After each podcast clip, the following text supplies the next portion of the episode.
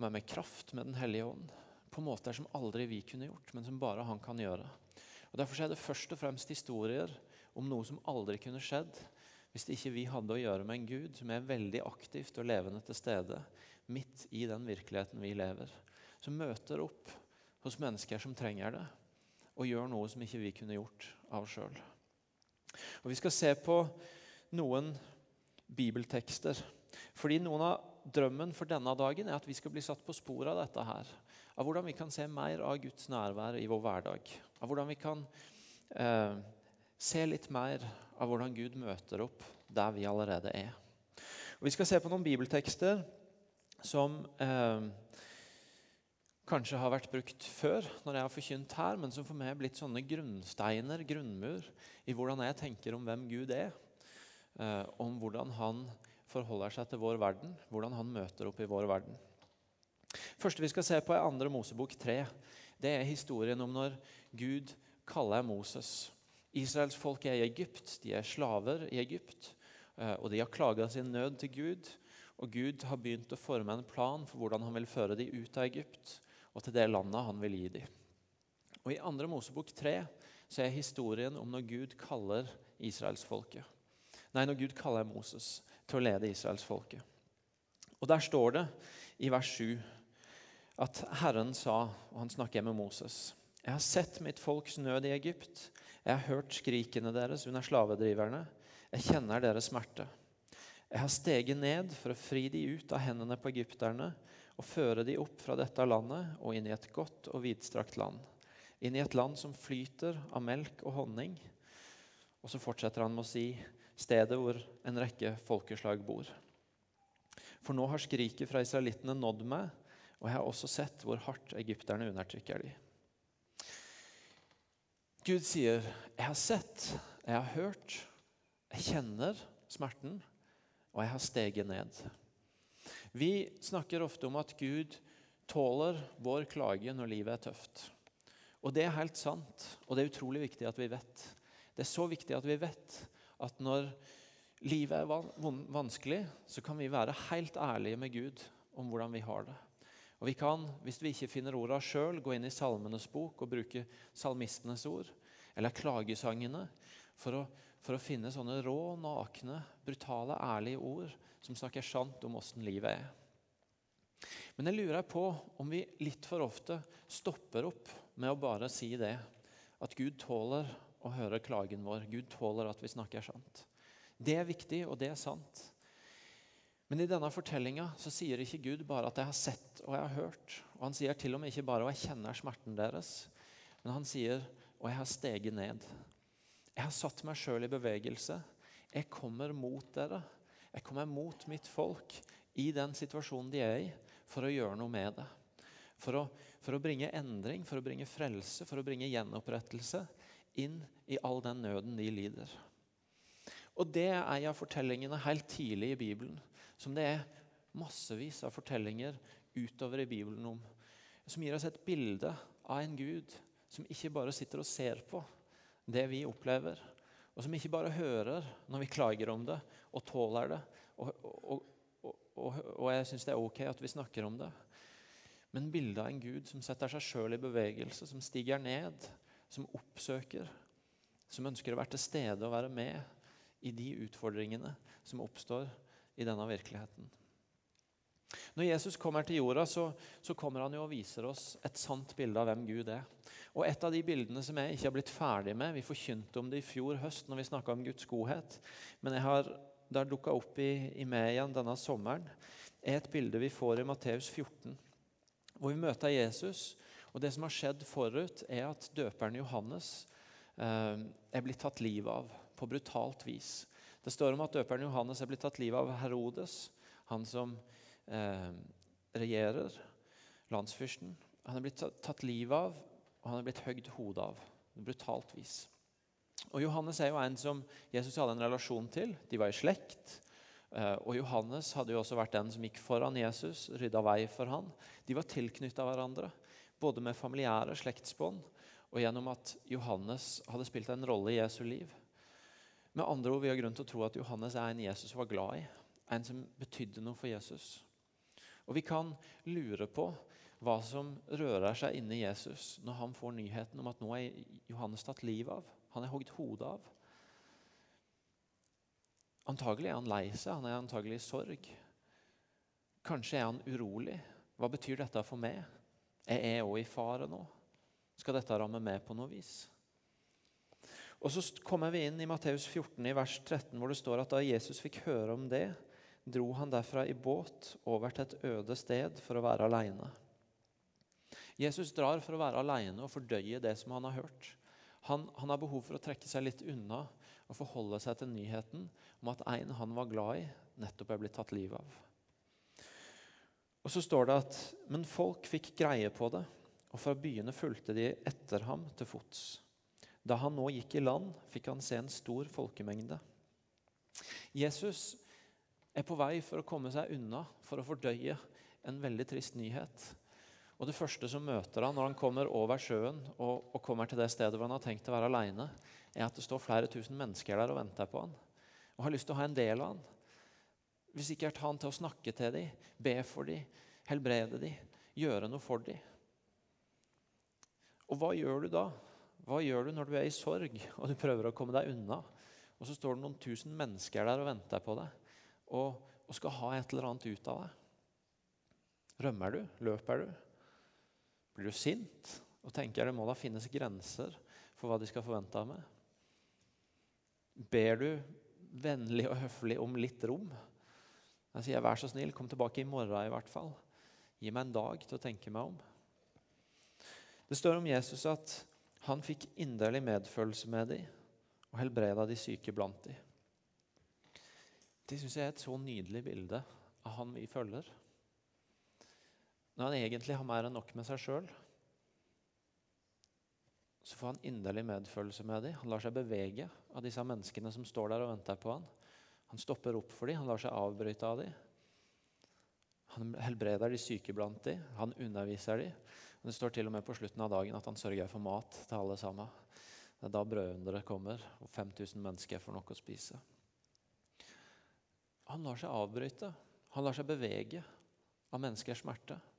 Han bekrefter bildet vi så i andre Mosebok av en Gud som ikke bare hører og ser, men som lar seg bevege, som setter seg i bevegelse, som stopper opp for det som skjer i denne verden, og det mennesker er opptatt med i denne verden. I Matteus 25 så forteller Jesus en lignelse hvor noe av bildet han gir av Gud, er av Gud som en som overlot alt til tjenerne sine overlot alt til sine tjenere. Ikke bare overskuddet, ikke bare restene, ikke bare det han uansett ikke hadde bruk for og ikke ville merke. Men han overlot alt til sine tjenere. Det er et av bildene Jesus tegner av Gud. Og det er ingen steder vi ser det bildet av Gud tydeligere enn når Jesus henger på et kors død for våre synder.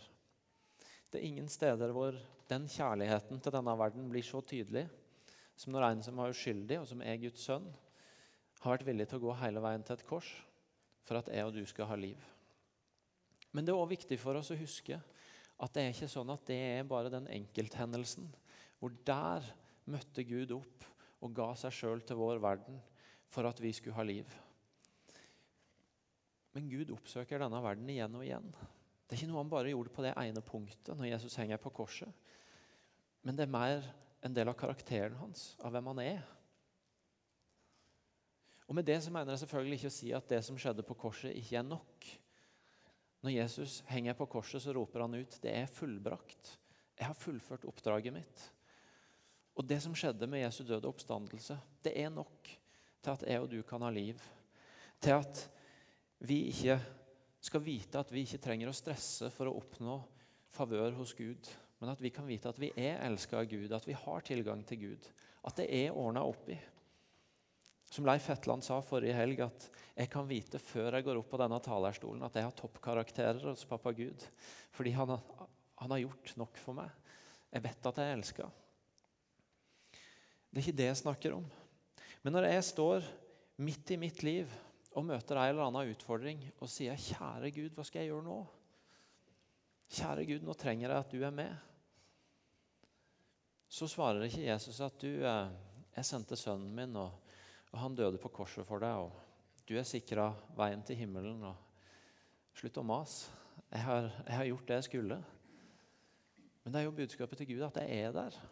Jeg er midt i hverdagen din.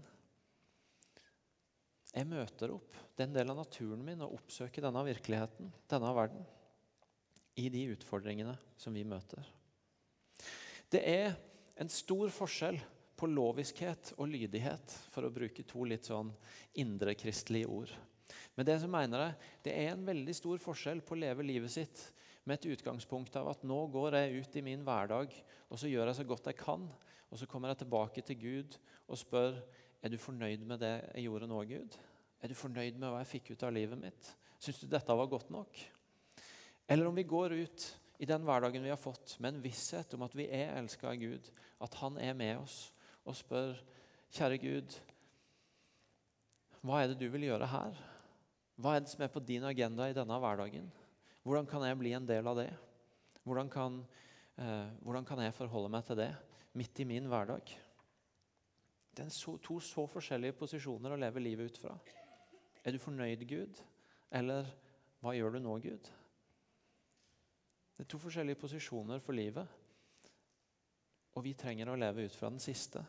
Det er den posisjonen Bibelen forteller oss om. Det er den posisjonen vi er invitert til å leve ut fra. Og vi vet at han er fornøyd. Men vi kan få lov til å spørre Men hva har du lyst til å gjøre i dag, Gud? Noe av det jeg er opptatt av når jeg er pastor i denne kirka, det, er, det har vært har, Det et år nå cirka, et drøyt år siden jeg fikk ansvar for å lede den lokale menigheten her. Og Jeg har vært veldig opptatt av hvordan kan jeg og vi forvalte den, den arven som er her. Og med det så mener jeg, Hvordan kan vi ta det livet og den kulturen som allerede er vokst fram her, som er dyrka fram her over mange år, og gjøre den tilgjengelig for mange flere? Å forvalte noe det er ikke bare å beskytte og ta vare på. Å forvalte det og se hvordan kan, kan en gi det videre til nye, til andre, til nye generasjoner. Og jeg har tenkt som så at jeg har ikke lyst til å kjempe alle de kampene Martin og Irene har kjempa. Jeg har ikke lyst til at vi som er yngre enn noen av dere som er her og har vært med i mange mange år, skal kjempe de samme kampene som dere har gjort for å på en måte etablere det som er her. Men jeg har lyst til at vi skal ta med oss det livet som er, som er lagt her, og finne ut hvordan vi kan ta det videre til flere. Og Noe av det vi har brukt mye tid på det siste året, det har vært å spørre hva, hva kan være noen enkle ord, hva kan være et enkelt språk for den kulturen som finnes her, for det livet som allerede finnes i denne kirka, og som mange av dere lever allerede. Og Vi har endt opp med å snakke om tre enkle uttrykk som sier noe av kjernen. Guds nærvær, Guds familie og Guds godhet. Å leve med Guds nærvær å være en del av Guds familie og gjøre Guds godhet tilgjengelig for verden rundt oss. Og Det er de tre tinga som vi skal se på i disse tre ukene, én hver, hver, dag. Om hvordan det kan, de enkle tinga kan bli en del ikke bare av denne kirka, men av hverdagen vår, av livet vårt. Guds nærvær, som er det vi snakker om i dag, som et uttrykk for nettopp denne troa på at Gud er levende og aktivt til stede i vår verden. Og at vi kan møte Han der, at vi kan bli leda av Han der. At vi kan forholde oss til Han i vår virkelighet. Og Denne kulturen kommer til uttrykk på mange forskjellige vis i denne kirkas liv og i kulturen vår. Alt fra at staben i denne menigheten, når vi skal starte et nytt arbeidsår i august, så kunne en jo tenke at en sånn Vi er jo en relativt Noen vil si at vi er en litt sånn pushy menighet som alltid skal videre og alltid har noe nytt på gang. Og det kan hende det er noe sant i det. Og da kunne en jo tenke at eh, det en gjorde når en begynte et nytt arbeidsår, var å møtes for å legge planer og strategier og finpusse alle planer, sånn at vi, vi på en måte er helt på track. Og Det vi gjør, det er å reise av sted i tre dager uten en eneste plan. Og møte opp og tilbe Gud sammen, lese noen bibeltekster sammen og se hva som skjer. Og alltid sier Gud noe til oss, alltid gjør Gud noe mellom oss som får betydning for året som ligger foran. Det er det samme som er grunnen til at vi som hel menighet begynner hvert semester med ei sånn helg som vi hadde forrige helg. Som ikke snakker så mye om planer og strategier og visjoner, men som egentlig er å møte opp og tilbe og invitere inn en venn som vi ikke har sagt nå må du snakke om det og det, for det er det kirka vår trenger, men som vi har sagt kom med livet ditt og del det med oss og se hva som skjer. Og i det så møter alltid Gud opp og gjør noe. Det ser ut i hverdagen for oss som jobber her på huset, sånn at hver dag etter lunsj så møtes vi og synger en lovsang og leser et gudsord og ber sammen. Det ser ut sånn at når vi møtes i cellegruppene våre, så går vi ikke bare rett på å snakke om det en eller annen snakka om på søndag, men vi, vi setter av noen, noen, minutter til å takke Gud, til å tilbe, til å komme nær Han. Og Jeg kunne fortsatt å gi eksempler. Det er en del av kulturen vår, det er en del av historien vår. Og Det å være en del av Imi-kirka Av og til så spør noen meg hva, når er jeg egentlig en del av Imi? Fordi det skjer så mye her.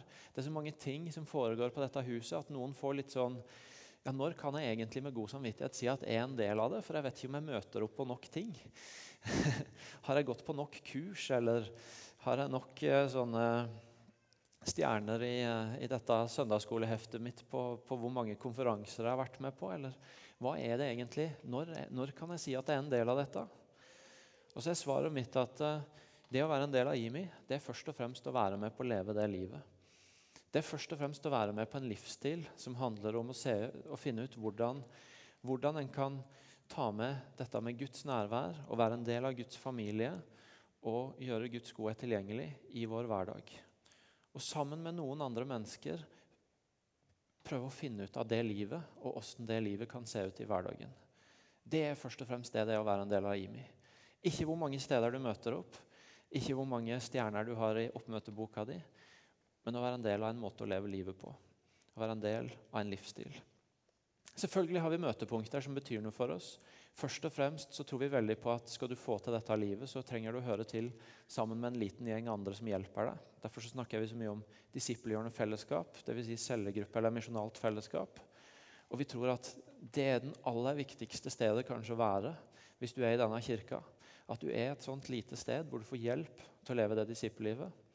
Og så er det viktig å si at Vi tror på at det er veldig viktig å være ett sted, men vi tror også at det er veldig viktig å bare være ett sted, ikke mange sånne steder. Og ha de samme samtalene mange mange ganger, men å finne den ene arenaen hvor du er en del av et sånt lite fellesskap. Og så tror vi på at det små trenger å være en del av noe større. og Derfor så møtes vi hver søndag til å feire gudstjeneste. Og syns det er kjempeviktig at hele storfamilien får feire Gud sammen at de små fellesskapene har det sikkerhetsnettet det er. At når vi møter ting som er av større utfordring enn bare denne lille gjengen kan møte, så, så er vi en del av en stor gjeng som kan hjelpe oss å leve livet. Men først og fremst så handler det om et liv. Og Det betyr at vi er ikke som kirke bundet sammen primært av noen læresetninger eller av hvor mange ganger vi møter opp. Men vi er bundet sammen av at vi er en familie som er ledet av Gud på et oppdrag i denne verden. Vi er en familie som er ledet av Gud på et oppdrag i denne verden. Det er det som er felles, og som binder oss sammen. Og når vi jobba med å forme dette språket og med å finne ut hva er denne kulturen, og hvordan kan vi snakke om den, så tenkte jeg at jeg må teste det ut i mitt eget liv. Jeg må finne ut hvordan lever, er dette blitt en del av min hverdag. Nå har jeg vært der i fem og et halvt år. Er denne kulturen en del av, av min livsstil? Og Noe av det jeg oppdaga, var at alle disse tingene, alt det som hadde med Guds nærvær, med Guds familie, med Guds godhet, det var tilgjengelig hver eneste dag i mitt liv. Spørsmålet var om jeg var til stede i det. Spørsmålet var om jeg greip de små mulighetene til å connecte med Gud i de øyeblikkene som var ledige, når jeg ba en bønn til han, eller leste et ord, eller bare så noe som minna meg om hans godhet. Om jeg var til stede når jeg møtte noen av de menneskene som jeg har mulighet til å gjøre livet sammen med, og kjenne at disse står jeg sammen med. Om jeg var til stede på noen av de punktene hvor her kan du helt enkelt velsigne noen og gjøre Guds godhet tilgjengelig for dem. Det var tilgjengelig i min hverdag. Spørsmålet var var jeg til stede i den. Og Da er vi tilbake i hverdagen igjen, og det jeg begynte med, og det vi nå snart skal begynne å lande i. Jeg elsker historien om bror Lawrence, brother Lawrence som levde på 1600-tallet, og som i tenåra si en vinterdag satt og kikka på to trær. Og Så kikka han på de trærne, og så tenkte han når det blir vår og sommer, så kommer de trærne til å blomstre. Og Så begynte han å tro på Gud når han tenkte på det.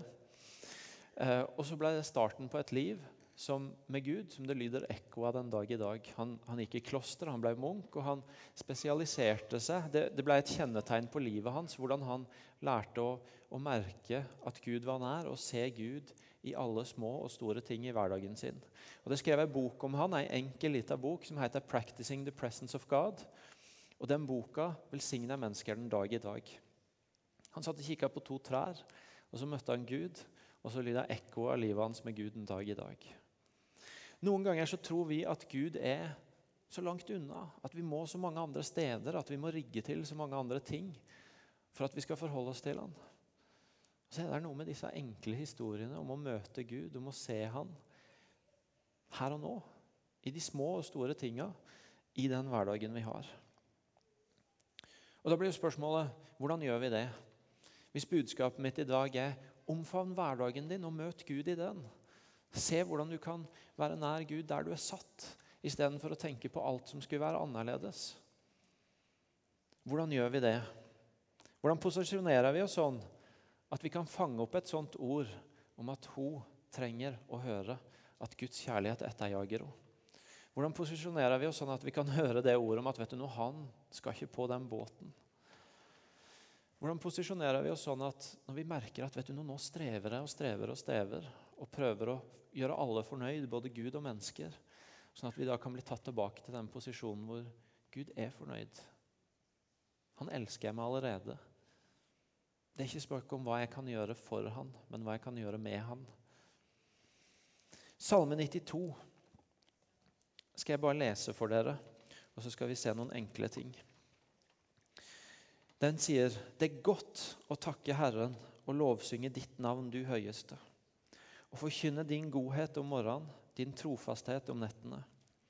Til den tistrengede harpen, til dempa klang fra lyren. Herre, du har gleda meg med ditt verk. Jeg jubler over det dine hender har gjort. Hvor store dine gjerninger er, hvor dype dine tanker, Herre. Den uforstandige forstår ikke dette. Dåren skjønner det ikke. De urettferdige skyter opp som gress. Alle som gjør urett, blomstrer, bare for å bli utrydda for alltid. Men du, Herre, er opphøyd til evig tid. Dine fiender, Herre, dine fiender skal gå til grunne. Alle som gjør urett, skal bli spredt. Du gir meg kraft som en villokse og salver meg med den friskeste olje. Jeg kan følge fienden med øynene, jeg kan høre om voldsmenn som reiste seg mot meg. De rettferdige skyter opp som palmer, de vokser seg høye som sedrer på Libanon. De er planta i Herrens hus og blomstrer i foregårdene hos vår Gud. Ennå i alderdommen bærer de frukt. De er friske og frodige. Slik forkynner de at Herren er rettskaffen. Han er min klippe. Det er ingen urett hos han. Det er noe i den rytma som er i denne salma, om det, det, det er godt å forkynne din godhet om morgenen, din trofasthet om nettene. Dette her å både om morgenen og kvelden minne seg på at Gud er trofast, at han er stor, at han har gjort ting i livet mitt som jeg kan minne meg på, og som minner meg om at han er god. Salmen begynner med den rytmen om morgenen, om kvelden.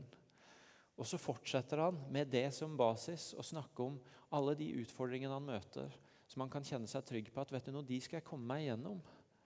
Før han ender opp med å si at eh, de er planta i Herrens hus og blomstrer i forgårdene hos vår Gud. Ennå i alderdommen bærer de frukt. De er friske og frodige. Det har i hvert fall jeg lyst på. Enda når jeg blir gammel, så skal jeg bære frukt og være frisk og frodig. Og Det han snakker om, det er denne rytma av å morgen og kveld finne en måte å, å feste blikket på at han er stor, at han er trofast, at han er nær, at han er god. Og så møter jeg utfordringene og fjella i livet med det, i den rytma, med den vissheten. Og så får jeg se at livet mitt får, får bo, være planta i Herrens hus, dvs. Si der Gud er nær, og at det får bære frukt i alle tider. Jeg tror det er noe med å finne en rytme i livet vårt, i hverdagen vår, hvor vi har disse her små punkta, hvor vi bare kan, kan minne oss om og bli kobla på at vet du noe, han er der. Og han er større enn den utfordringa jeg står med nå.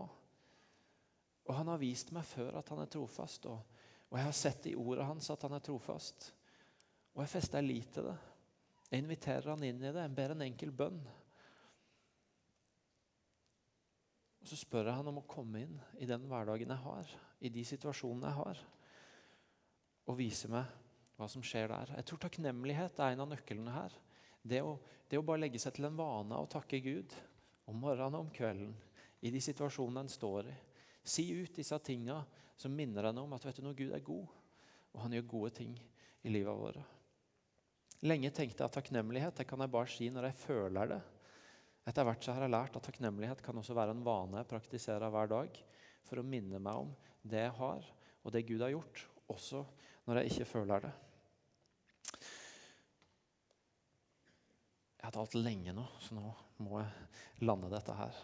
Jeg håper dere bærer over med meg. Jeg har tenkt på denne taleserien i seks måneder, så det har bare demma seg opp litt. Eh, dere så en film i starten om en som hadde to veldig forskjellige dager med helt likt innhold. Den ene dagen var stress og kav og ikke, egentlig ikke fikk vært til stede i noe som helst. Den andre dagen var, kanskje i filmen nesten litt karikert, det viste hvordan han kunne stoppe opp for selv den minste blomst på et busstopp eh, og smile av det. Men dere får fram poenget. Utfordringa til meg og du denne søndagen og denne uka er å finne ut hvordan plasserer vi livet vårt der, sånn at vi hele veien kan bli minnet om at vi er elska. At vi lever ikke for å please Gud, for å gjøre ham fornøyd, men vi lever sammen med Gud. Kanskje handler det for noen av oss om å skjære bort noen ting. iPaden til denne fyren med spillet og nyheten om morgenen. Kanskje handler det for noen av oss om å begynne å få inn dette bibelverset på mobilen om formiddagen som bare minner oss om å ja, han er der. Kanskje handler det om å sette av tid til å lese ei salme hver dag som minner oss om at Gud er stor midt i livets utfordringer, for det kryr av salmer som forteller det. Kanskje er det å litt oftere stoppe opp og tenke på de tinga Gud har gjort i fortida vår, og hente styrke i det til det som denne dagen møter oss med. Jeg har ikke lyst til å foreskrive én oppskrift til deg, fordi du må finne det ut. Men du har hørt utfordringa. Og det å tro at Gud er til stede i din hverdag, og finne ut OK, åssen begynner jeg å navigere ut fra det? Er det noen ting jeg skal skjære bort fra livet mitt? Er det noen ting jeg skal putte inn i livet mitt? Er det en enkel rytme jeg kan få plass i hverdagen min, som gjør at enten det er morgen eller kveld, enten dagen er god eller dårlig, så vet jeg at han er der, og han er nær. Skal vi reise oss og be sammen?